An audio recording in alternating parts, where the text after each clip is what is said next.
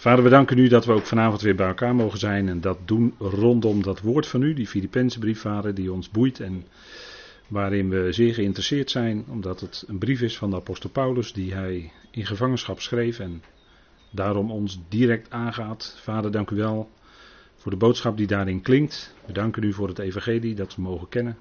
Het evangelie van genade, verzoening voor iedereen uiteindelijk en wij mogen dat nu al weten, Vader, daar nu al deel aan hebben. Dat is heel bijzonder en dank u voor die bijzondere genade die u ons schenkt.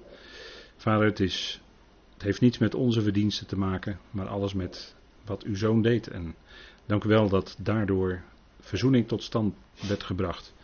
Dank u wel, Vader, voor het kruis wat 2000 jaar geleden heeft gestaan. Wat daar is gebeurd. Vader, we danken u daarvoor. We danken u voor het lege graf. Voor uw zoon die aan uw rechterhand is. We danken u dat we vanavond ons daarover mogen verblijden met elkaar. Dank u voor ieder die gekomen is. Dank u dat u ons kent, dat u weet wat in ons hart leeft en dat u ons wil opbouwen, bemoedigen, aanspreken. En vader, geef dat het alles mag zijn wat gesproken wordt, wat we horen en in ons hart opbergen. Dat het mag zijn tot lof en eer en verheerlijking van uw naam. Vader, daar gaat het om. We danken u daarvoor in de machtige naam van uw geliefde zoon. Amen. Wij lezen met elkaar uit uh, Filippenzen 2. En dat doen we weer vanaf vers 5. Even voor het verband. En daar staat: Laat immers deze gezindheid in jullie zijn, die ook in Christus Jezus is, die in de vorm van God, die hem eigen is, het aan God gelijk zijn, geen roof acht. Niettemin maakt hij zichzelf leeg en neemt de vorm van een slaaf aan in de gelijkenis van de mens geworden en in de gedaante als mens bevonden, verootmoedigt hij zichzelf, gehoorzaam worden tot aan de dood, ja, de dood van het kruis. Daarom ook verhoogt God hem uitermate en schenkt hem in genade de naam die is boven alle naam, opdat in de naam van Jezus zich alle knie buigt van de hemelingen en van hen die op aarde en van hen die onder de aarde zijn. En alle tong van harte beleid, Heer is Jezus Christus, tot verheerlijking van God de Vader. Daarom, mijn geliefden, zoals jullie altijd gehoorzamen, niet alleen bij mijn aanwezigheid, maar nu veel meer bij mijn afwezigheid, werkt je, redding, werkt je eigen redding met vrees en beven uit. Want God is het die in jullie zowel het willen als het werken voor zijn welbehagen bewerkt. Tot zover. En we gaan vanavond nog verder kijken naar wat aspecten van het kruis. Want daar spreekt vers 8 over, waar we al enkele keren mee bezig zijn geweest. En er staat dat hij zichzelf verootmoedigd heeft. Eigenlijk staat het daar in de aorist, hè? hij verootmoedigt zichzelf. Gehoorzaam wordend tot aan de dood, ja, de dood van het kruis. En dat is natuurlijk een extra toevoeging, ja, de dood van het kruis. Die Paulus natuurlijk niet zomaar doet. En vandaar dat we daar ook wat langer bij stilstaan. Zijn dood aan het kruis was alles beslissend. En we kunnen dat ook niet loszien, uiteraard, van zijn opstanding en zijn verhoging aan de rechterhand van Vader. Dan heeft het zijn volle betekenis. En dat kruis, dat hebben we met elkaar al wat aspecten van gezien. En ook vanavond willen we daar naar kijken. Het woord van het kruis, daar zijn we dan mee bezig. Het woord van het kruis. Dat staat in 1 Korinthe 1 vers 17, die uitdrukking. Want het woord van het kruis is voor hen die verloren gaan wel dwaasheid, maar voor ons die gered worden is het Gods kracht. En zo hebben wij ook geleerd om anders te kijken. als gelovigen kijken wij met andere ogen, zou je kunnen zeggen. Voor degenen die naar het kruis kijken en daar weten en misschien erkennen als historisch feit dat de Heer Jezus daar ooit hing. Die vinden dat misschien dwaasheid, die vinden dat misschien een toonbeeld van zwakheid, zo zou de Griek er naar kijken. En een Jood verlangt liever een teken, maar wij kijken anders. Wij zijn door de geest, zijn onze ogen geopend. En dan zegt u, ja, mijn ogen waren altijd al open sinds mijn geboorte. Nee, geestelijke ogen natuurlijk, beeldspraak. Door de geest zijn onze ogen geopend en daardoor kijken wij anders dan andere mensen. En voor ons, daarom zegt Paulus dat, voor ons die gered worden, dat is ook nu in ons dagelijks leven zo, is het Gods kracht. En die kracht hebben we nodig om te kunnen leven als gelovigen vandaag de dag. Dus voor de mensen is het dwaasheid en die zien misschien dat als een uiting van zwakheid. En dat zegt Paulus ook aan het eind van zijn twee brieven aan de Corinthiërs. Hij is wel gekruisigd uit zwakheid, maar het is Gods kracht die daarin onthuld wordt. Hè. Dus aan het eind van zijn tweede Korinthebrief komt Paulus daar ook nog eens een keer op terug. En zegt in feite weer hetzelfde. Het is voor hen die dus verloren gaan, en dat heeft betrekking op de eonen. Hè. Verloren gaan is altijd tijdelijk in de eonen, de laatste twee eonen. Langer kun, je, langer kun je niet verloren gaan, want daarna word je gevonden. Zoals in de schrift alles gevonden wordt uiteindelijk. Maar voor hen die verloren gaan of omkomen, uh, is het dwaasheid. Dat is het Griekse woord moria, hè, dwaasheid, die vinden dat maar zot. Maar voor ons die gered worden, en dat is het geheim voor ons, en onze ogen zijn daarvoor geopend, wij kijken anders, wij zien anders. Zoals de Heer Jezus ook toen hij op aarde rondwandelde, hè, hebben we vorige keer even over gehad, ook anders keek naar de mensen en andere dingen waarnam en daar ook over sprak, dan dat andere mensen dat deden. En zo is het ook met ons. Wij hebben verlichte ogen van het hart, zegt Efeze 1. Verlichte ogen van het hart. En daardoor kijken wij anders. En kunnen wij ook waarderen wat het kruis betekent. Wat Gods woord zegt over dat kruis. Wat het werkelijk inhoudt. En dat is wat Paulus hier zegt in het woord van het kruis. En dat betekent dat niet alleen de Heer Jezus voor onze zonden gestorven is. Dat is een van de essenties van het evangelie wat Paulus in 1 Corinthië 15 noemt. Dat hij is gestorven voor onze zonden. Jawel, maar hij werd ook begraven en hij is ook opgewekt. En dat is allemaal naar de schriften. Dat was in de schrift al aangekondigd en de Heer Jezus had het ook zelf aangekondigd. Het wordt in de Bijbel dan altijd genoemd de aankondigingen van het lijden. We hebben de vorige keer uh, die vier, uh, dat heeft hij, hij heeft vier aankondigingen gedaan van het lijden toen hij met zijn discipelen optrok. Maar tegelijkertijd sprak hij bij dat aankondiging van dat hij zou sterven ook over zijn opwekking uit de dood. Hij zei elke keer, en dat zullen we vanavond ook zien, elke keer dat hij ook zou worden opgewekt uit de dood. Dat is essentieel natuurlijk. Het is Gods kracht. Hij stierf niet alleen voor onze zonden, maar in hem en met hem, met hem, stierven ook wij. En daar is Paulus ook in de tweede Korinthebrief nog steeds mee bezig, om het zo maar te zeggen. Als hij spreekt tot de Corinthiërs. 2 Korinthe 5, bekend gedeelte wat we ook afgelopen zondag gelezen hebben, staat dat indien één voor allen stierf, dus allen gestorven zijn.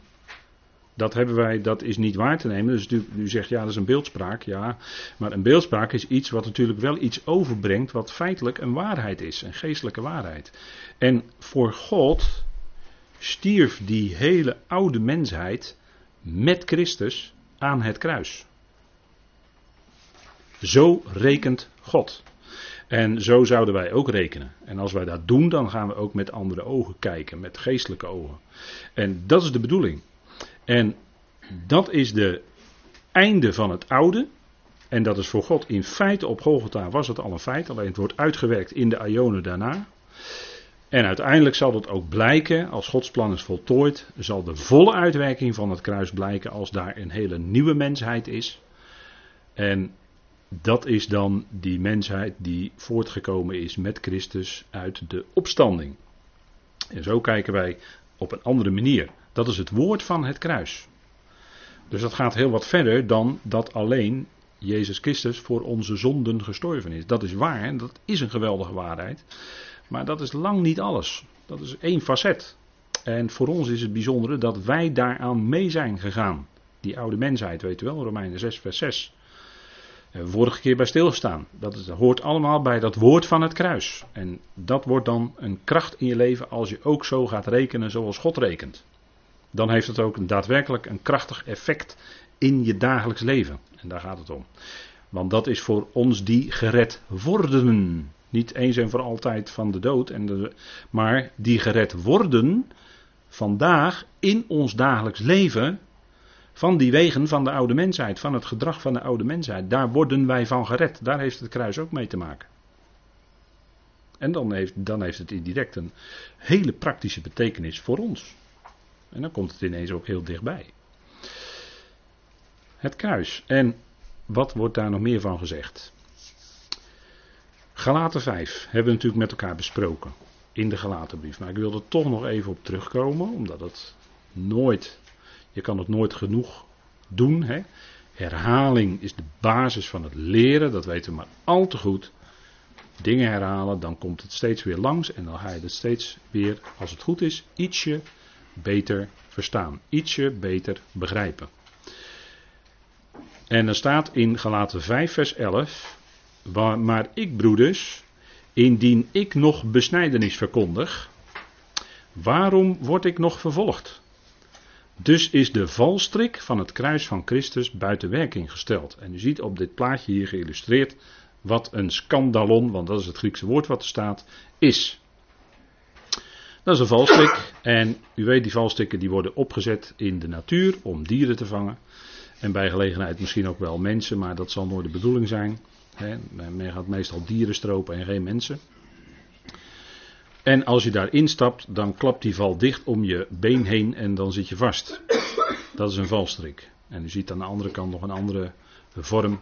dat is eigenlijk zo'n muizenvalletje, maar goed, voor ons is het dan waar wij in gestrikt worden als het ware. Dat woord scandalon betekent in het Grieks een middel tot struikelen of een oorzaak tot vallen. En voor ons is dat dan, ja, wat is dan die valstrik van dat kruis? Wat is dat? Dat is dat er geen enkel mogelijkheid voor ons is om iets door eigen werken of door rituelen, ook nu in onze praktijk als gelovigen, dat er geen enkele manier is waardoor wij via onze werken, of via het doen of houden van rituelen of wat dan ook, dat wij daar iets kunnen toevoegen voor God. Dat is absoluut onmogelijk. En dat is de valstrik van het kruis. Dus die kruis heeft, een, heeft daadwerkelijk ook een effect daarin dat wij voor God niets als eigen werken in rekening kunnen brengen. Kijk, Paulus die zegt hier, indien ik nog besnijdenis verkondig, en dat zou, en dat doet iedereen, misschien uh, als iemand dat niet doet met woorden, maar als iemand zich daadwerkelijk nu nog letterlijk laat besnijden, dan verkondig je dus ook de besnijdenis. Dan, of welk ander ritueel dan ook, ik heb daar een sterretje bij gezet, dat ziet u bij het woord besnijdenis, want dat staat in feite, het ging wel daar ook om, mede om de besnijdenis, bij de judaïseerders in, onder de gelaten. Maar het gaat om welk ander ritueel dan ook. En we kunnen dat heel makkelijk invullen met bijvoorbeeld de doop in water. Dat wordt ook in kringen gezien als iets wat je moet doen. En dan hoor je bij die gemeente of hoor je bij die groep. dat is dan een toevoeging in feite aan het kruis. En dat is de valstrik van het kruis. Wij kunnen niets toevoegen. Er kan geen enkel ritueel aan toegevoegd worden. En dat is voor veel mensen dus een valstrik. En dat was voor de Joden ook zo. Staat in 1 Korinthe 1 vers 23. He, er wordt ook dat woord gebruikt. het kruis is voor de natie, voor de Grieken En voor de Joden een valstrik. Want voor de Joden die verlangen tekenen. Of die verlangen een ritueel of een handeling. Al zou het alleen de besnijdenis zijn, maar dat maakt niet uit. Wat je dan ook daar maar voor invult. En nu is de valstrik dat wij dus helemaal niets kunnen toevoegen door onze eigen werk of wat dan ook aan dat wat aan het kruis al tot stand gebracht is. Dat is de valstrik van het kruis. En dat is voor, hè, vaak wordt er in onze vertalingen aanstoot vertaald, maar dat is een wat andere gedachte. Maar het heeft alles te maken met het feit dat de Judaïseerders onder die Galaten, die wilden dus die besnijdenis of enig ander ritueel, eh, andere dingen eh, die met het Mosaïsche systeem te maken hadden, het houden van dagen, sabbatten, feesten, noem maar op, die, wilden, die brachten dat allemaal onder die Galaten. En dat was allemaal een afdoen van de genade van het evangelie van Christus. De genade van Christus stond op het spel. En het gaat dan om de genade zoals die werkt in het dagelijks leven van ons als gelovigen in de praktijk. Daar ging het om in de gelaten brief. Was niet alleen een leerstellige discussie, nee, het ging daadwerkelijk om de praktijk. Paulus die zegt dan ook in Galaten 5, uh, die eerste verse, laten we heel even met elkaar dat vers opzoeken. Dat is heel ernstig. Ik vind dat heel ernstig. Toen jaren geleden dat voor het eerst tot mij doordrong. Toen was ik geschokt dat het zo ernstig ligt. Dat het zo scherp ligt.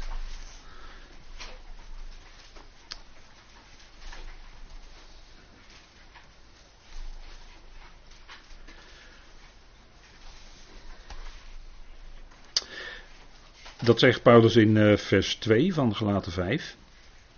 Zie ik, Paulus, zegt jullie, indien jullie je ooit laten besnijden, zal Christus jullie in niets baten. Dus als je ooit zou laten besnijden, dan zeg je in feite dat je Christus niet nodig hebt voor de praktijk van je dagelijks leven. Je schakelt hem eigenlijk buiten. Dat zeg je in feite als je je laat besnijden als gelovige zijnde. Zo scherp ligt dat. Dat zegt Paulus hier, hè? Zal Christus jullie in niets baten. Dus ook niet als kracht voor je dagelijks leven. Nee, want je zegt met die besnijders, ik kan het zelf. Je stelt je vlees weer in plaats, je doet iets met je vlees. Dus je stelt in je vlees eigenlijk in de plaats van wat Christus zou doen in ons leven. Hij zou onze kracht zijn om te leven.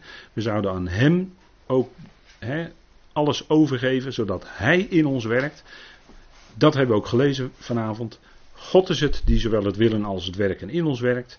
En dat is de werking in feite van het kruis. Dat is het resultaat van het kruis. En dat, dat gaat hier om in vers 2. Als je je laat besnijden, of welk ander ritueel dan ook, kun je invullen hoor. Als je dat doet, dan zeg je in feite: Ik heb Christus niet nodig. Dan heb je geen baat bij Christus. Ik kan dat zelf wel, zeg je als gelover. Als gelover, hè? Heeft niets te maken met uh, of je wel of geen gelovige bent. Nee, als je dat als gelovige, dan zeg je in feite dat. Zo is Paulus bezig. En op het moment dat je dus weer in wet gerechtvaardigd wil worden, dus dat is in de praktijk, hè, dat is vers 4, dan zegt Paulus, uit de genade vallen jullie. Vallen is dat, hè? Staat er ook, pipto. Je valt, eh, ekpipto, uit de genade val je dan, hè? Dus staat uitvallen. Dus je gaat dan uit die werkingskracht van de genade, stap je in een hele andere situatie in je praktijk, namelijk wet, werken, je, uit jezelf, je eigen vlees. Terwijl juist je zou begrijpen dat elke besnijdenis een type is van de ware besnijdenis waar het om draaide, dat was de besnijdenis van Christus. De besnijdenis van Jezus op de achtste dag was naar de wet. Dat deden Jozef en Maria keurig, volgens de wet. Maar dat was een type van zijn besnijdenis aan het kruis. Dat is de besnijdenis van Christus. Niet van Jezus, maar van Christus. In Colossense 2 staat dat. En dat is hetzelfde met zijn doop. Toen hij in water gedoopt was, zei hij daarna in Lucas 12: Ik moet met een doop gedoopt worden. Welke doop was dat? De ware doop, waar de doop in water alleen maar een type van was. Maar de werkelijke doop was zijn dood aan het kruis. En wat doen wij als gelovigen, als christenen? Wij verwarren de type met de werkelijkheid. En dat zou je niet doen. Het gaat om wat aan het kruis gebeurd is. En dan ben je dus voorbij de typen, dan heb je waar het om draait. En dan moet je vervolgens niet terugkeren naar de schaduwbeelden. Want dat is wat je dan doet. Als je toch letterlijk gaat besnijden, als je toch in water gaat dopen. Ja, het is, ik, ik weet het, het is heel scherp, maar zo ligt het ook volgens het Evangelie. Het gaat om de genade, het gaat niet. En steeds weer wil die mens daar iets van zichzelf voor in de plaats zetten. En het kruis maakt daaraan een einde. Dat is, dat is de valstrik van het kruis. Dat is wat gebeurd is. Die oude mensheid is mede gekruisigd. Dat zou, daarmee zouden we rekenen. Volgens de Romeinen 6. we zouden rekenen zoals God rekent. En dat is wat Paulus zo ernstig vond bij die gelaten. Zij keerden weer terug naar het zelf willen doen, zelf willen werken enzovoort. Belangrijk hè, valstrik van het kruis. We hebben natuurlijk met de gelaten brief behandeling over gesproken. Dus u kunt dat daar ook nog eens terugluisteren. Dan hebben we Galaten 6, daar spreekt Paulus ook over het kruis. In de Galaten brief meerdere keren dus. Hè. Galaten 3, uh, 2, 3, 5, 6. In die hoofdstukken allemaal spreekt Paulus over het kruis. Hè. Dat is heel belangrijk. En dan zegt hij in 6 vers 12 en 14. Dan gaat het om uh, niet vervolgen, niet of wel vervolgd worden. En dan zegt hij in vers 12: Wie er ook goed willen uitzien in het vlees. U ziet waar het om draait, hè? In het vlees. Dus het draait om vlees. Deze noodzaken jullie besneden te worden, opdat zij niet voor het kruis van Christus Jezus vervolgd worden. Paulus predikte wat anders en hij werd vervolgd.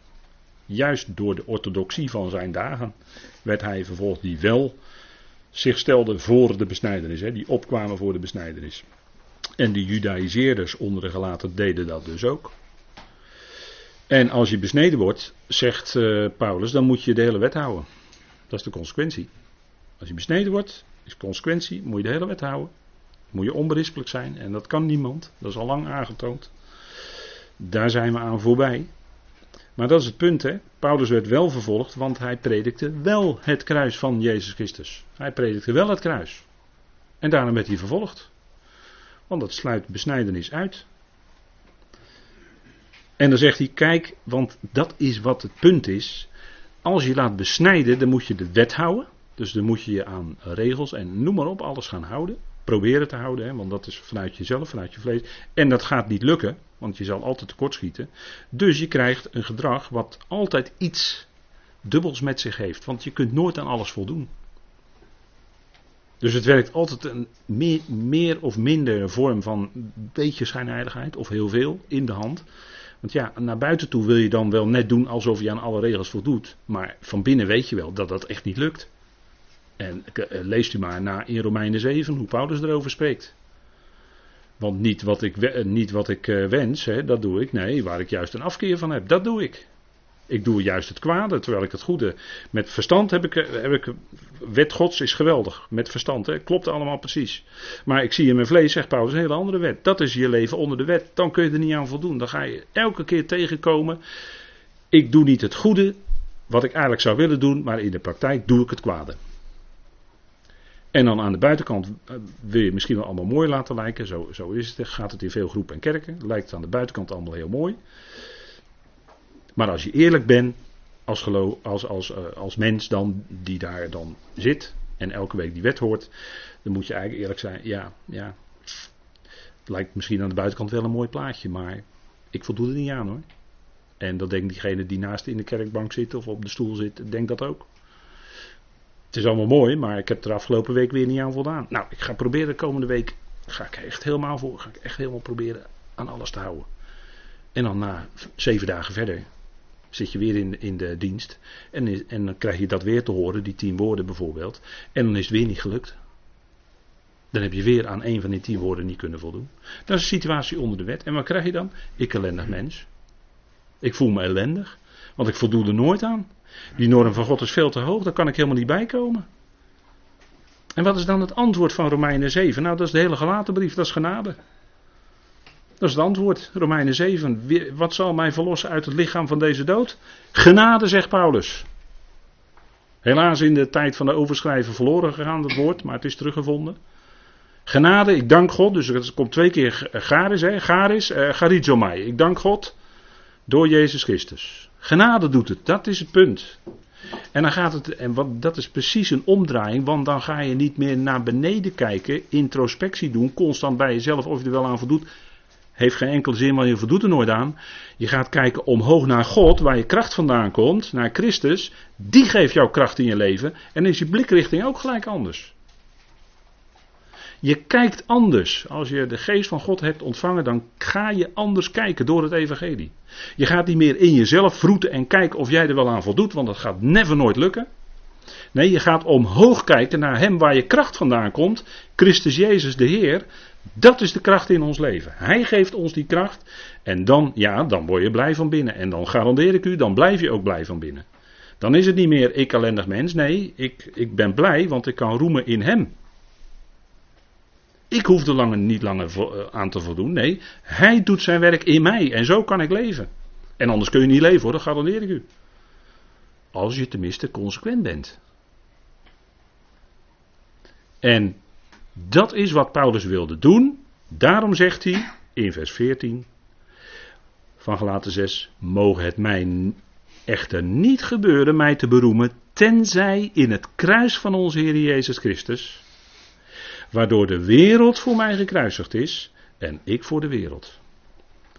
En in Paulus' geval zou je misschien kunnen zeggen, nou dat was voor hem dan die judaïstische wereld waar hij uit vandaan kwam, het judaïsme. Nou, daartussen, daarna, toen Paulus dat ging beseffen wat het kruis betekent, want dat heeft Christus Jezus ook aan hem moeten leren, wat het betekende. Dan heeft hij onderwijs van de Heer zelf voor gehad, voordat hij dit kon opschrijven. Tussen die judaïstische wereld en de nieuwe Paulus, hè, Saulus is er niet meer langer, hè, maar die naamsverandering, Paulus, dat, dat heeft wel een betekenis hoor. Dat is niet zomaar weg te redeneren op basis van culturele argumenten hoor, van die tijd. Echt niet hoor. Staat in de schrift dat hij heette van toen af aan Paulus. En dat heeft wel degelijke geestelijke betekenis. Anders zou het niet zo in de schrift staan. God had die pen van Lucas geïnspireerd hoor. Dat staat er niet voor niks in Handelingen 13. Saulus, anders gezegd Paulus. Dat heeft een geestelijke betekenis. Dat kun je niet wegredeneren. Maar die nieuwe, die Paulus, daartussen hem en dat judaïsme, die, die, die wereld voor hem, die oude wereld, staat het kruis. En dat is voor ons ook zo. Tussen de wereld en ons staat het kruis. Die wereld is voor ons als gekruisigd. Zo zouden we rekenen.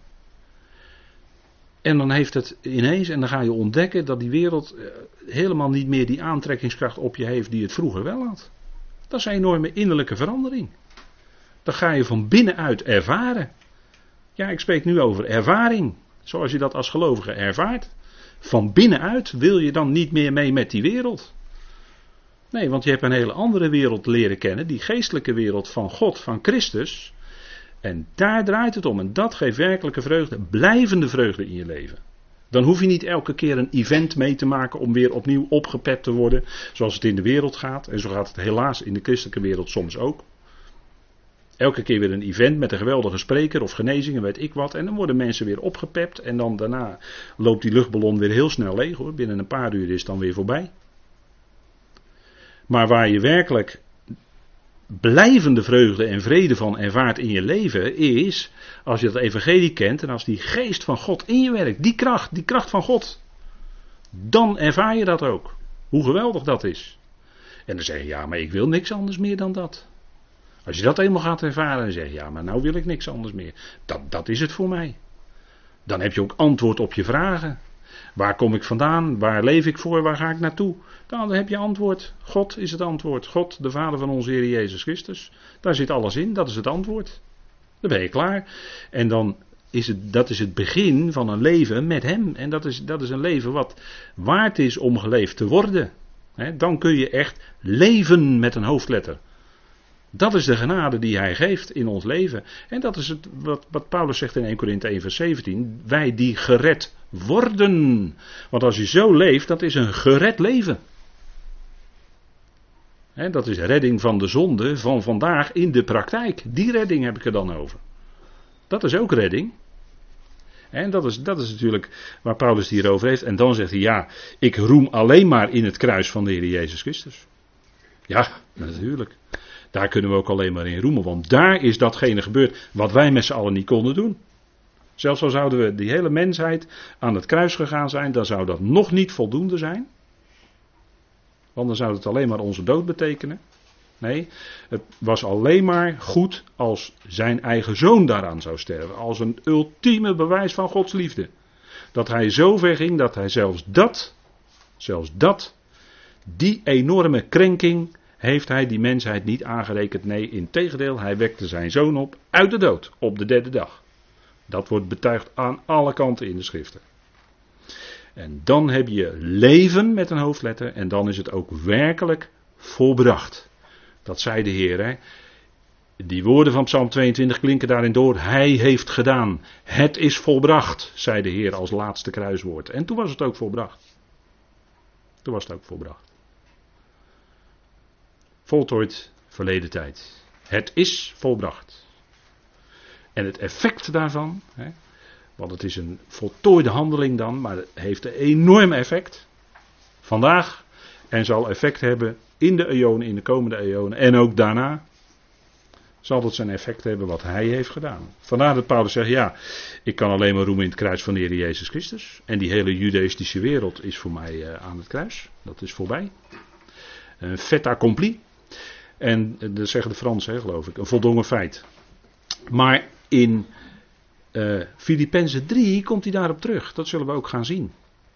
Wat dat betekent. Wat het betekende voor Paulus zijn opvoeding, al wat hij was naar het vlees, dat, was allemaal, dat, ging allemaal aan de kant. daar, daar getuigt hij ook van. Vandaar dat, ja, dat is heel sterk dat Paulus uh, roemde tegenover die gelaten die misschien roemden in eigen werken en, en dat soort zaken. Hebreeën 12, ook een bijzondere tekst denk ik. Dat hij heeft een kruis verdragen. Of ja, daar staat een bijzonder woord wat we wel kennen. Ik wil het even met u lezen. Hebreeën 12. En u ziet op deze dia die foto er weer bij met vijf kruisen. Ik vond het wel mooi, want daar hebben we het vorige keer over gehad, weet u wel. Dat er niet uh, drie, maar hoogstwaarschijnlijk vijf kruisen hebben gestaan, weet u wel. Twee rovers en twee misdadigers samen met hem. Als beeld van die hele mensheid. Hè. Stelletje rovers en misdadigers. Ja, u en ik, ja, inderdaad. Ja, stelletje rovers en misdadigers. U en ik. Ja, wij hoorden daar ook bij. Wij vielen daar niet buiten hoor, want uh, Paulus stelt het vast in Romeinen 3, hebben we ook gezien met elkaar. Niemand is rechtvaardig. Als het even om gaat, in het licht van de schrift, niemand is rechtvaardig. Er is niemand die goed doet, zelfs niet tot één toe. Ja, dat, is, dat, zijn, dat zijn duidelijke woorden hoor. Daar valt niemand buiten. Alle Adam-mensen vallen daaronder. En die worden om niet gerechtvaardigd, niet door hun eigen geloof, maar door zijn geloof. Dat is, dat is het evangelie wat dan gaat klinken in Romeinen 3. Maar wel even heel duidelijk met elkaar vaststellen wat Paulus laat zien aan de hand van de schrift, wat al in de psalmen stond bijvoorbeeld. Dat er niemand rechtvaardig is, dat er niemand is die goed doet, niet tot één toe. Duidelijker kan het niet.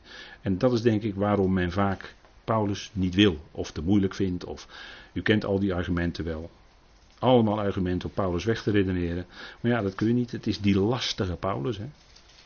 Of zoals een rabbijn het ooit zei: ons probleem is met Paulus. Zei Lodi van de Kamp. Ik zal hem wel noemen, wie dat zal hem citeren. Lodi van de Kamp in een krantartikel. Ons probleem is met Paulus. Dat is moeilijk. Hè? Ja. Maar we gaan er langsband wel begrijpen waarom dat zo is. Hè? Hebreeën zegt dan 12 vers 1. Wel nu dan laten ook wij nu bij door zo'n menigte van getuigen, al die getuigen van geloof uit de nacht, hè, omringd worden, afleggen alle last en de zonde die ons zo gemakkelijk verstrikt. En voor de Hebreeën was dat de zonde van het ongeloof. Dat is altijd het Joodse volk. Hè? Zonde, de grote zonde bij Israël was in de diepste zin ongeloof. Hebreeën 3 en 4 bijvoorbeeld. En laten wij met volharding, dat woord volharding betekent eronder blijven, letterlijk, de wedloop lopen die voor ons ligt. En dan hebben we als een geweldig voorbeeld, want dit is ook ons tot voorbeeld geschreven, terwijl we het oog gericht houden op Jezus, de leidsman en voleinder van het geloof. Zoals hij wandelde in geloof tijdens zijn leven op aarde, dat is ook voor ons als gelovigen een voorbeeld. Hè? Hij wandelde in geloof. Hij heeft om de vreugde die hem in het vooruitzicht was gesteld. Dat is het punt, hè? Hij wist van de heerlijkheid die wachtte. Hij wist van de vreugde die zou komen. En dat weten wij ook. En daar ervaren wij nu al iets van. Hè? Van die vreugde. Maar die vreugde die wij in de toekomst gaan ervaren, in de opstanding bij de bazuin, die zal alles ver, ver, ver overtreffen wat wij ons maar kunnen voorstellen. Die heerlijkheid is zo onvoorstelbaar groot. Daar hebben we geen idee van. Het zal al onze verwachtingen ver in het niet stellen. En het geweldige is, bij de bazuin, dan zullen wij al onze geliefden die ons ontvallen zijn, terugzien. Dat moet een geweldig moment zijn. Dus al diegenen die ons ontvallen zijn, hè, waar, die we missen, waar we verdriet over hebben, die zullen wij bij de bazuin terugzien. Dat is geweldig. Dat is ook een stuk vreugde die hij ons in het vooruitzicht stelt. En, en daarbovenuit, we zullen hem ontmoeten in de lucht. Hè. We zullen onze Heer ontmoeten, die ons hoofd is. die zo met ons verbonden is, hij kijkt er naar uit. Zeker, zeker, zeker. En wij kijken er ook naar uit. En, en dat is die vreugde die ook ons is voorgesteld. Hè? Maar het ging bij hem tijdens zijn loopbaan die hij heeft gelopen. En zo lopen we allemaal in ons leven een bepaalde loopbaan. Hè? Een bepaalde loop moeten wij gaan.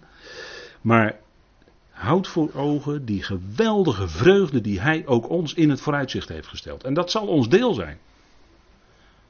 Vreugde die veel groter is dan, dan het hoogste top van vreugde die we nu kunnen ervaren. Gaat daar nog ver bovenuit. En dat zal dan oneindig zijn en nooit hè, en, en zich altijd uh, voortzetten. Hij heeft om de vreugde die hem in het vooruitzicht was gesteld, het kruis verdragen. Kijk, het ging niet makkelijk. Het was een hele moeilijke weg voor hem. Een weg van lijden. Een weg van enorme druk waar hij onder kwam te staan. Zodat zelfs het zweet als bloeddruppels vielen op de aarde in Gethsemane. Zo enorm stond hij onder druk. Zo diep ging het toen al. En het diepste lijden was het lijden aan het kruis. Maar hij heeft dat verdragen, en dat woord verdragen is hetzelfde als volharden in uh, vers 1. Uh, eh, hij, hij is daaronder blijven staan. Hij bleef daaronder. En, en dat kon hij door geloof, door de kracht die God hem gaf. Door het feit dat die geweldige vreugde hem in het vooruitzicht was gesteld. Daarvan had hij gelezen in Tenach. En hij wist dat die woorden op hem betrekking hadden. Vele, vele dingen. Dat liet hij later ook aan de Emmersgangers zien. Hè? Hij liet hun zien al wat in de schriften op hem betrekking had. Dat was een bijbelstudie hoor, die ze kregen daar. Hè, geweldig. Want de schrift spreekt allereerst over Christus, wie hij is. En het lijden en de heerlijkheid die hij zou ondergaan. De leidende knecht van Yahweh, de Obed Yahweh in Jezaja bijvoorbeeld, dat is hij. En dan zeggen de Israëlieten, ja dat, is, dat zijn wij, dat is Israël. Dat is ook zo. Dat is een dubbele toepassing. Maar dat is hij. Hij is die leidende knecht des Heren, die in Jezaja 53 wordt genoemd. De Obed Yahweh. Die geslagen werd, die verdrukt werd. En als een lam dat, dat, eh, dat eh, stemmeloos is voor zijn scheerders, werd hij eh, ter slachting geleid. En zo zweeg hij ook voor de hoge priester. Dat was hij. Hij was dat lam waar de schriften over spraken. Talloze toepassingen natuurlijk, talloze beelden. Het heeft allemaal betrekking op hem. Het wees naar hem. Hè. En dat wist hij, dat had hij geleerd. Uit de nacht. En zo kon hij daaronder blijven staan. Het kruis staat natuurlijk voor het lijden, voor de, de schande en, en de diepte van vernedering die dat betekende. Het was een verschrikkelijk martelwerktuig, alhoewel er in de schrift weinig over wordt vermeld, hoeveel pijn de kruiselingen leden. Maar dat was heel wat. Maar dat heeft hij allemaal verdragen, daar is hij onder blijven staan. Uit liefde tot de Vader. Omdat hij wilde doen en die weg wilde gaan die Vader kennelijk voor hem had uitgestippeld. Hij wilde daaronder blijven. Ah, kom af van het kruis. Als je de zoon van God bent. Nee, dat kon hij niet. Dat kon niet. Hij wilde de wil van de Vader doen. En dat ging tot en met de dood van het kruis. Want daar heeft Paulus het over in Filippenzen 2. Hè? Hij heeft zich verootmoedigd, laag. Hij handhaafde zichzelf niet. Hij heeft zichzelf Hebben, hebben we voor, een van de vorige keren met elkaar over gesproken. Dat woordje zichzelf. Hij heeft zichzelf geledigd. En hij heeft zichzelf verootmoedigd. Twee keer dat zichzelf ging aan de kant. Hè. En dat is de boodschap van het kruis. Dat eigen ik, dat eigen ego, dat zichzelf van de mens, dat gaat mee aan dat kruis, dat gaat weg. En dan is het niet langer ik, maar Christus leeft in mij.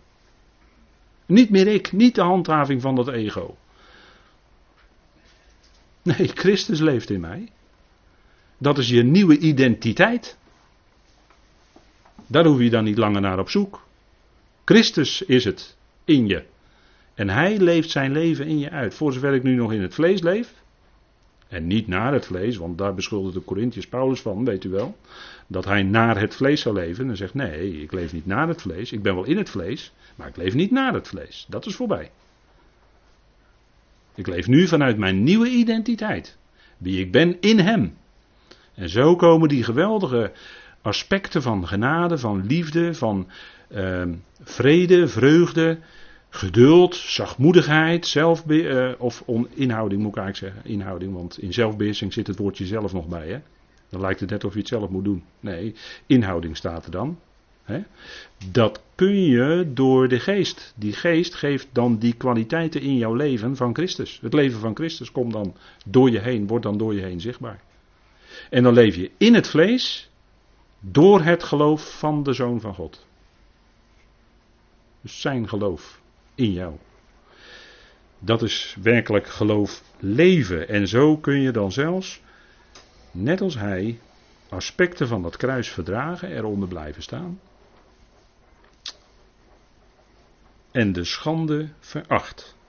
de schande die gepaard ging met dat kruis. En dat was niet alleen toen hij daar hing, maar dat was ook daarvoor. Toen hij bespot werd door de soldaten en noem maar op. Toen de Joden hem wilden ombrengen en al dat soort zaken. En hij zit nu, en dat is dan het resultaat, dat is die vreugde, hij zit nu aan de rechterhand van de troon van God. Want dat komt, nou bijna in alle nieuwtestamentische boeken en brieven komt dat naar voren. Dat hij nu verheerlijkt is aan de rechterhand van God. Dat is waar het, eh, het hele Griekse schrift over juicht, zou ik bijna willen zeggen. Hè? Dat het lijden voorbij is en dat hij nu heerlijkheid heeft aan de rechter van vader. Natuurlijk ook beeldspraak. Want vader heeft natuurlijk helemaal geen hand. Maar goed, dat is uh, de plaats van macht, hè? plaats van kracht. Dus hij volhardde een kruis, staat er dan.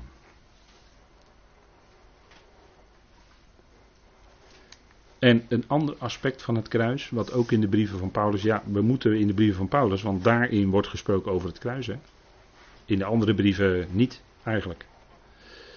Wordt het woord kruis en kruisigen eigenlijk niet genoemd. Alleen Petrus die spreekt over het hout, hè, in 1 Petrus 2. Dat hij onze zonde heeft weggedragen op het hout, zegt hij dan. Maar hij noemt het woord kruis ook niet. Ook een verschilletje nog, hè. Maar de werking van het kruis is dat het kruis maakt vrede. Dus de basis voor werkelijke vrede in het lichaam van Christus is ook het kruis. Hè? Dat zouden we goed beseffen. Want daarin, dat zegt Paulus hier in Efeze 2, vers 16, een hele belangrijke tekst is dat natuurlijk weer in een bekend stukje, wat vaak helaas, helaas wordt verkeerd begrepen, helaas. Maar vredemakend, zegt hij, en beiden in één lichaam met God door het kruis, dus essentieel hè, door het kruis, wederzijds zal verzoenen. Dus dat is niet alleen die eenzijdige, niet alleen kat alasso, maar hier staat apo kat. Dat wil dus zeggen, nu is het tweezijdig. En dan zegt Paulus, de vijandschap erin dodend.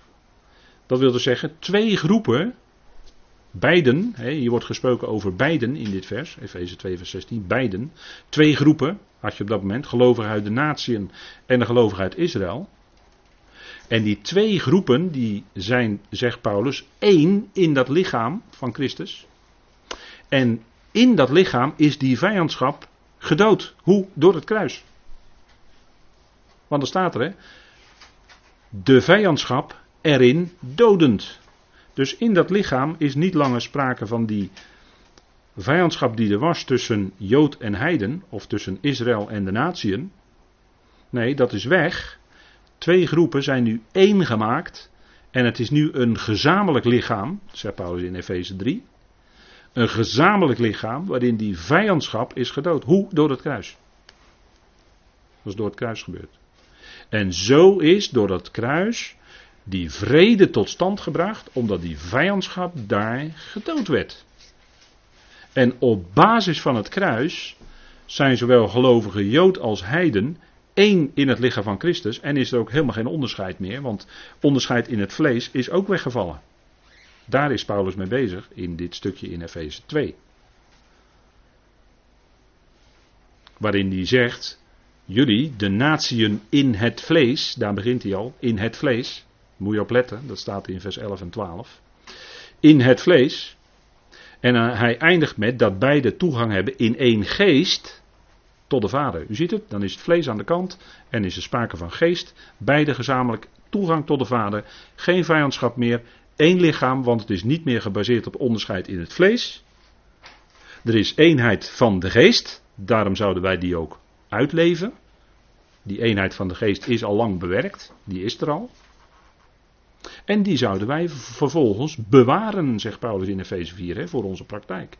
Dat is ook die eenheid van de geest met die gelovigen uit Israël eventueel, als we dat zouden weten. Maar we hoeven niet eens te weten, want we zijn één met alle gelovigen, zonder onderscheid. We kijken niet naar vleeselijke afkomst of wat dan ook. We beroemen ons niet meer dat we uit Rotterdam of Amsterdam of weet ik waar vandaan komen. Hè? Want dat is ook allemaal roemen op vlees. Of in welke familie wij geboren zijn of wat dan ook. Dat speelt allemaal helemaal geen rol meer voor een gelovige. Want het gaat om die geestelijke eenheid die er is. En die is er en die zouden wij bewaren. Hoe met de band van de vrede? Want daar gaat het hier over. Hè? Vredemakend. Dus die eenheid van de geest kun je bewaren. En dat is ook op basis van het kruis dus. Door het kruis. U ziet hoe ongelooflijk belangrijk dat kruis is hè? In, de, in de brieven van Paulus. Essentieel hoor. Daarom staan er ook wat langer bij stil. En die twee groepen die zijn dus één geworden. Op gelijk niveau dus. Niet langer de natie ondergeschikt aan Israël. Dat wordt in Efeze 2 dus door Paulus opgeheven. En het is één lichaam in Christus. Met God verzoend. Door het kruis. Geen vijandschap meer welke mogelijkheid van vijandschap er ook was, het is allemaal weggedaan aan het kruis. En zo zouden we ook leven. Er is geen vijandschap meer, het is vrede. En dat is het woord wat God spreekt hier. Hè? Het is vrede. Moet een stukje maar lezen hoe vaak het woord vrede hier voorkomt in Efeze 2. Komt al 4, 5, 6 keer voor. Vrede. Dat is het resultaat van het kruis. En zo, hè, zo denk ik dat het goed is om uh, dat met elkaar te zien. Hè? Dus die twee zijn één geworden. En dan is het dus niet dat de natieën aansluiting vinden bij Israël en zich uh, ondergeschikt houden aan Israël. Dat is niet de boodschap van Efeze 2 hoor in dit stukje. Dat is een misvatting. Het is zo dat alle gelovigen zijn één geestelijk, één in Christus. één lichaam. Daar is geen vijandschap en ook geen enkel onderscheid. Er is geen verschil in niveau op basis van afkomst. Kan niet, want het vlees is mede gekruisigd. Weg. En dat zouden we goed beseffen als gelovigen. En zo kun je dan ook leven met elkaar hè, in alle vrijheid en vreugde. En in dat derde hoofdstuk van Filippenzen komt, en daar gaan we nog wel op terugkomen in de toekomst, wat uitgebreider. Maar ik wil het toch noemen vanavond. De, dat is weer een ander aspect van het kruis, namelijk er zijn ook vijanden van het kruis. Daar heeft hij het over in Filippenzen 3. En het punt is, wat we met elkaar hier een aantal aspecten hebben besproken, dat, dat dat menselijke vlees, die oude mensheid, die is dus mee met Christus gegaan aan dat kruis. En die is vervolgens natuurlijk ook mee begraven. Dat is duidelijk, hè? dat zegt Paulus ook in Romeinen 6. Hè, mede begraven. En wat opgewekt is, is natuurlijk niet die oude mensheid. Nee, wat opgewekt is uit de dood, dat is natuurlijk die nieuwe mensheid. Dat is die nieuwe mens uit het graf. Daar ben je voorbij. Vlees is afgesneden. En wie zijn nu de vijanden van het kruis? Dat zijn die gelovigen, want het gaat over gelovigen. Hè? Dat is heel wonderlijk. Hè, dat gelovigen hier in Filippenzen 3, die worden hier genoemd vijanden van het kruis. Ze zijn geen vijanden van Christus, maar ze zijn in de praktijk wel vijanden van het kruis van Christus. En dat is een hele diepgaande hoor. Want zij erkennen dan niet in de praktijk dat het vlees is afgesneden. En ze houden niettemin vast aan het aardse, want wij zijn immers burgers van een rijk in de hemelen. Of ons domein is in de hemelen. Dat is de boodschap van de Efezebrief. Dat is het grote leerbrief van Paulus, eh, Romeinen en Efeze. En in de Filippenzen gaat het dan, dan om hoe we dat in de praktijk, hoe dat in de praktijk toegepast wordt. Die boodschap van Efeze. In de praktijk. En Efeze maakt duidelijk dat wij een toekomst hebben en een plaats hebben te midden van de hemelingen in Christus Jezus, boven. Dus daarom zegt Paulus ook in Filippenzen 3, ons domein is in de hemelen. Of behoort aan de hemelen toe. Dat is inherent aan de hemelen. En als wij als gelovigen dan, ondanks dat we dat zijn gaan beseffen, of we hebben die boodschap gehoord uit Efeze, als we dan desondanks toch vasthouden aan het aardse en het fysieke, dus het lichamelijke, en zo op die manier toch blijven kleven aan de wereld, aan de wereldse principes en aan het vlees, dan zijn we in de praktijk, ondanks dat we gelovigen zijn en vrienden van Christus, zijn we in de praktijk vijanden van het kruis van Christus. Dan hebben we ons hemels burgerschap ingeruild, dat heb ik op deze dia dan even aangegeven. Dan hebben we ons hemels burgerschap ingeruild tegen een aards heerser. En een heel sterk voorbeeld is een hele grote kerkelijk systeem in deze wereld. Daarvan. En bediening, tegen een aartsheerser en bediening. En we richten ons dan als gelovigen op goed bestuur. En ik zeg dan heel zachtjes, dan zijn we bezig in de politiek. Maar dat zei ik heel zachtjes. Sociale hervormingen en het milieu. Nou, ik ga nu niet verder iets zeggen over opwarming van de aarde of de veronderstelde opwarming van de aarde. Ik zal het heel neutraal uitspreken nu. Daar ga ik nu verder niks over zeggen, maar wel activistisch voor het milieu. Hè? Want ja, als uh, goed rentmeesterschap, u kent misschien al die uitdrukkingen, goed rentmeesterschap, en dan moet je goed voor de aarde zorgen, en dan moet je zorgen dat de aarde ook nog voor de toekomende geslachten blijft bestaan, alsof God dat zelf niet doet. Hè? De aarde staat nog minstens duizend jaar voordat hij door vuur vergaat. Hè? Alsof God dat zelf niet doet. Nee, wij moeten als goed rentmeester. Enzovoort, u kent al die redeneringen wel. Ik zal u daar niet verder mee vermoeien. Maar wat, wat komt dan op de voorgrond? Wereldse principes, dat wil dus zeggen zelfzucht. We stellen onszelf op de voorgrond, onze eigen werken, wil het zelf allemaal wel oplossen hier op aarde. Zielsheid, hè? we zijn bezig meer vanuit onze ziel. Wij zullen het allemaal wel even hier voor elkaar boksen. Wij zullen even wel wat neerzetten. Wij zullen wel even dit, wij zullen wel even dat. Nou, dat is gewoon ziels en dat is lege ambitie. Dat is wel ambitie, maar het is leeg. Want het is niet gebaseerd op het besef dat we een hemelsburgerschap hebben. En dat we eigenlijk hier op de aarde niet zoveel meer te zoeken hebben. Zo hoor je dat soms gelukkig nog wel eens zeggen. Ja, ik voel me hier eigenlijk helemaal een vreemde op deze aarde. Ik, in deze wereld. Ik voel me eigenlijk helemaal een vreemde. Ja, inderdaad. Ja. Want je bent burger van een rijk in de hemelen. Wees burgers, hè, zegt Paulus in Filippenzen 1, toch? Wees burgers. Er wordt, wel een woord gebruikt wat verband heeft met politiek. Met polituima en zo. Polituia, eh, burger zijn. Polituo geloof ik, burger zijn. Burger zijn. Maar wij, wij hebben dat domein in de hemelen. Dus daar zijn we burgers van. Daar, daar heersen hele andere normen en waarden. We zeggen altijd, we leven niet onder de wet. Klopt, daar zijn we gelukkig van vrijgesteld. We leven niet onder wetten en regels. Maar we hebben van binnen wel nieuwe normen en waarden. Die nieuwe schepping, die principes, die grondbeginselen van de nieuwe schepping. Daar hebben we bij de gelaten brief uitgebreid over gesproken. Maar die leven van binnen en daar leven wij uit vervolgens. Dat is heel wat anders, hè? Dan leef je het van binnenuit naar buiten. Dan wordt het niet van buitenaf opgelegd, je moet dit en je moet dat. Welke regels dan ook maar zijn, dat is allemaal wet. Nee, we hebben van binnen normen en waarden van de nieuwe schepping en daar leven wij uit vervolgens. Dat is, een heel, dat is een heel andere manier.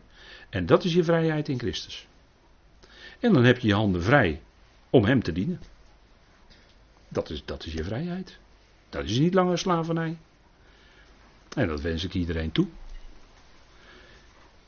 dus eh, Colossense 3, die, die, eh, die vijanden van het kruis, dat is, dat, is, dat is daar heel scherp hoor.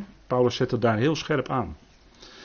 En uh, die vijanden van het kruis, ja, dat heeft te maken met alles wat maar mensen zelf willen. Het is allemaal, allemaal in feite vijandschap van het kruis. Want het, aan het kruis gaat het er allemaal aan. En dat is geen, geen prettige boodschap voor de mens. Aan de ene kant, het evangelie is ook helemaal niet naar de mens. Het gaat tegen het, tegen het gewone mens zijn in. En daarom is vaak onder christenen, onder gelovigen, Paulus wordt niet begrepen, laat ik het maar zo zeggen. Paulus wordt niet begrepen. Waar het werkelijk over gaat. Maar de boodschap van het kruis, daar, in feite, hè, dat, is, dat is essentieel hoor. Dat staat centraal in zijn brieven. En dat zien we ook in Colossense, want ook in Colossense het is een echte bloemlezing, met nadruk op het woord bloem. Het is een bloemlezing uit de brieven van Paulus, want Colossense 1, uh, daar is ook weer vrede, hè? kom je weer bij die vrede. Vrede dus alleen door het kruis. Dat, dat is fantastisch, hè?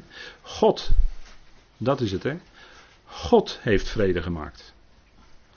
Dat is geen vrede dus die wij zelf tot stand kunnen brengen. Dat is geen uh, dat de kanonnen niet meer, uh, of dat, uh, dat de wapens niet meer spreken op de wereld. Dat die vrede gaat het helemaal niet om.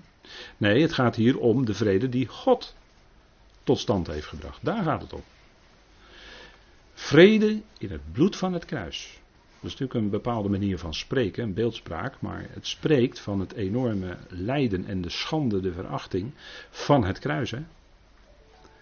Er staat in Colossense 1 vers 20, en door hem, dat is door Christus, het al wederzijds met zichzelf te verzoenen. Wat het al wederzijds met zich te verzoenen. Ja, jullie zijn een stelletje alverzoeners. Wel nee, wel nee. God verzoende door Christus het al wederzijds met zichzelf. Dat is de Bijbelse boodschap. Vrede maken door het bloed van zijn kruis.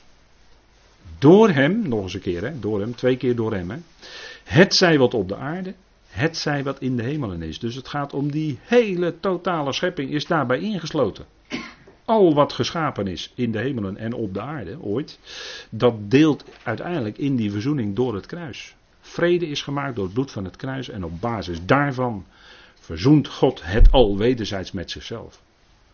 En dat is alleen maar een kwestie van tijd dat we daarvan de uitwerking gaan zien. Dat is helemaal maar een kwestie van tijd. Het is zo, maar het is een kwestie van tijd dat we het gaan zien. dat is de waarheid van het evangelie. dat is geweldig hoor, dat we dat, dat die waarheid, dat we die mogen bespreken met elkaar. Paulus heeft die waarheid neergelegd in zijn brieven. En wij mogen daarnaar kijken en ons daarover verwonderen. fantastisch zeg je dan tegen elkaar. Wat Paulus allemaal schrijft, dat is nou echt de waarheid voor vandaag. Ja, dat is het ook zeker. En die zouden we graag, voor zover, voor zover God het ons geeft, dat we die vasthouden. Dat we die bewaren, dat wilde zeggen, die dus ook uitdragen. bewaren is ook uitdragen. Dan bewaar je die waarheid. Dat zou de gemeente doen, hè, als pijler en fundament van de waarheid, zegt Paulus in 1 eh, Timotheus 3. Dat is de gemeente. Pijler en fundament van de waarheid wil zeggen, ze zouden die waarheid ook uitdragen, de geloven. Het al wederzijds verzoend. Dat wil dus zeggen, God verandert vijanden in vrienden. Hoe? Door het kruis. Hoe? Door zijn zoon te geven. Zijn geliefde zoon, hè? de zoon van zijn liefde, daar gaat het over in Colossens in tekstverband. De zoon van zijn liefde, het heeft hem alles gekost. Het bloed van zijn kruis, dat spreekt van zijn ongelooflijke lijden en de schande die daarmee gepaard ging, het kruis. Dat was in die tijd een, een, een verschrikkelijk martelwerktuig voor de laagste slaven, voor criminelen voor misdadigers. Voor rovers. En hij hing daarbij. Hij werd daaronder gerekend. Volkomen ten onrechte. Hij was zonder zonde. Dat heeft God gedaan. Dat is liefde. Dat God zo ver ging. Dat ondanks dat die enorme krenking die de mensheid hem aandeed. God niettemin, niettemin zijn zoon opwekte uit de dood. Als feit van dat de hele mensheid gerechtvaardigd is. Fantastisch hè, wat een boodschap daar, daar, is een boodschap, ja, dat is echt evangelie, dat is echt goed nieuws. Dat heel die schepping is daarin besloten. Het al. Nou, dat omvat alles. En daar valt niks buiten. En niemand valt dan buiten, heeft iemand dus ooit heel mooi gezegd. Niemand valt buiten de cirkel van Gods liefde. God heeft een cirkel getrokken en die is zo wijd, die cirkel, daar valt iedereen gewoon binnen.